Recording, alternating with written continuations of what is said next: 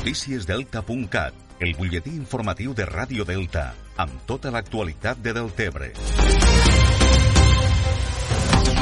El Consell Comarcal del Baix Ebre ha iniciat esta setmana les obres d'adequació de l'antic traçat del carrilet de la Cava per a convertir-lo en via verda.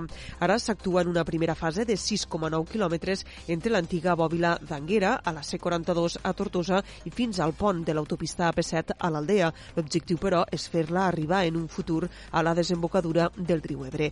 L'actuació, executada pel Consell Comarcal del Baix Ebre, té un cost de 426.000 euros i està finançada a través de diferents subvencions del Fons FEDER i del Pla de Foment Territorial de Turisme. El Consell Comarcal hi farà una aportació de 41.000 euros. El president de l'ENS, Xavier Faura, ha recordat que este és el primer pas per a fer arribar la via verda del carrilet fins a la desembocadura de l'Ebre.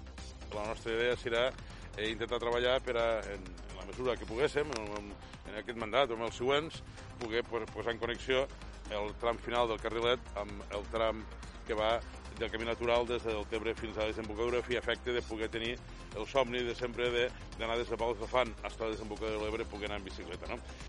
La primera fase dels treballs consisteix a netejar i esbrossar tot el tram d'actuació i posteriorment es renovarà el paviment. Cal recordar que el traçat d'aquest tram de la via verda del carrilet transcorre en paral·lel al camí de servei del canal de l'Esquerra de l'Ebre i contribuirà a posar en valor el paisatge rural lligat a l'horta. Escoltem Jordi Jordan, vicepresident del Consell Comarcal del Baix Ebre. En un entorn natural eh, que posa en valor tot el que és el paisatge no? de les hortes que hi ha entre Tortosa i Campredó eh, i que continue fent que a nivell de destinació turística la nostra comarca eh, continuen aquests valors no? de reserva de la biosfera, d'un paisatge natural, eh, rural, pel que fa al termini d'execució d'obres, la previsió és que els treballs de la via verda del carrilet finalitzen el pròxim mes de novembre.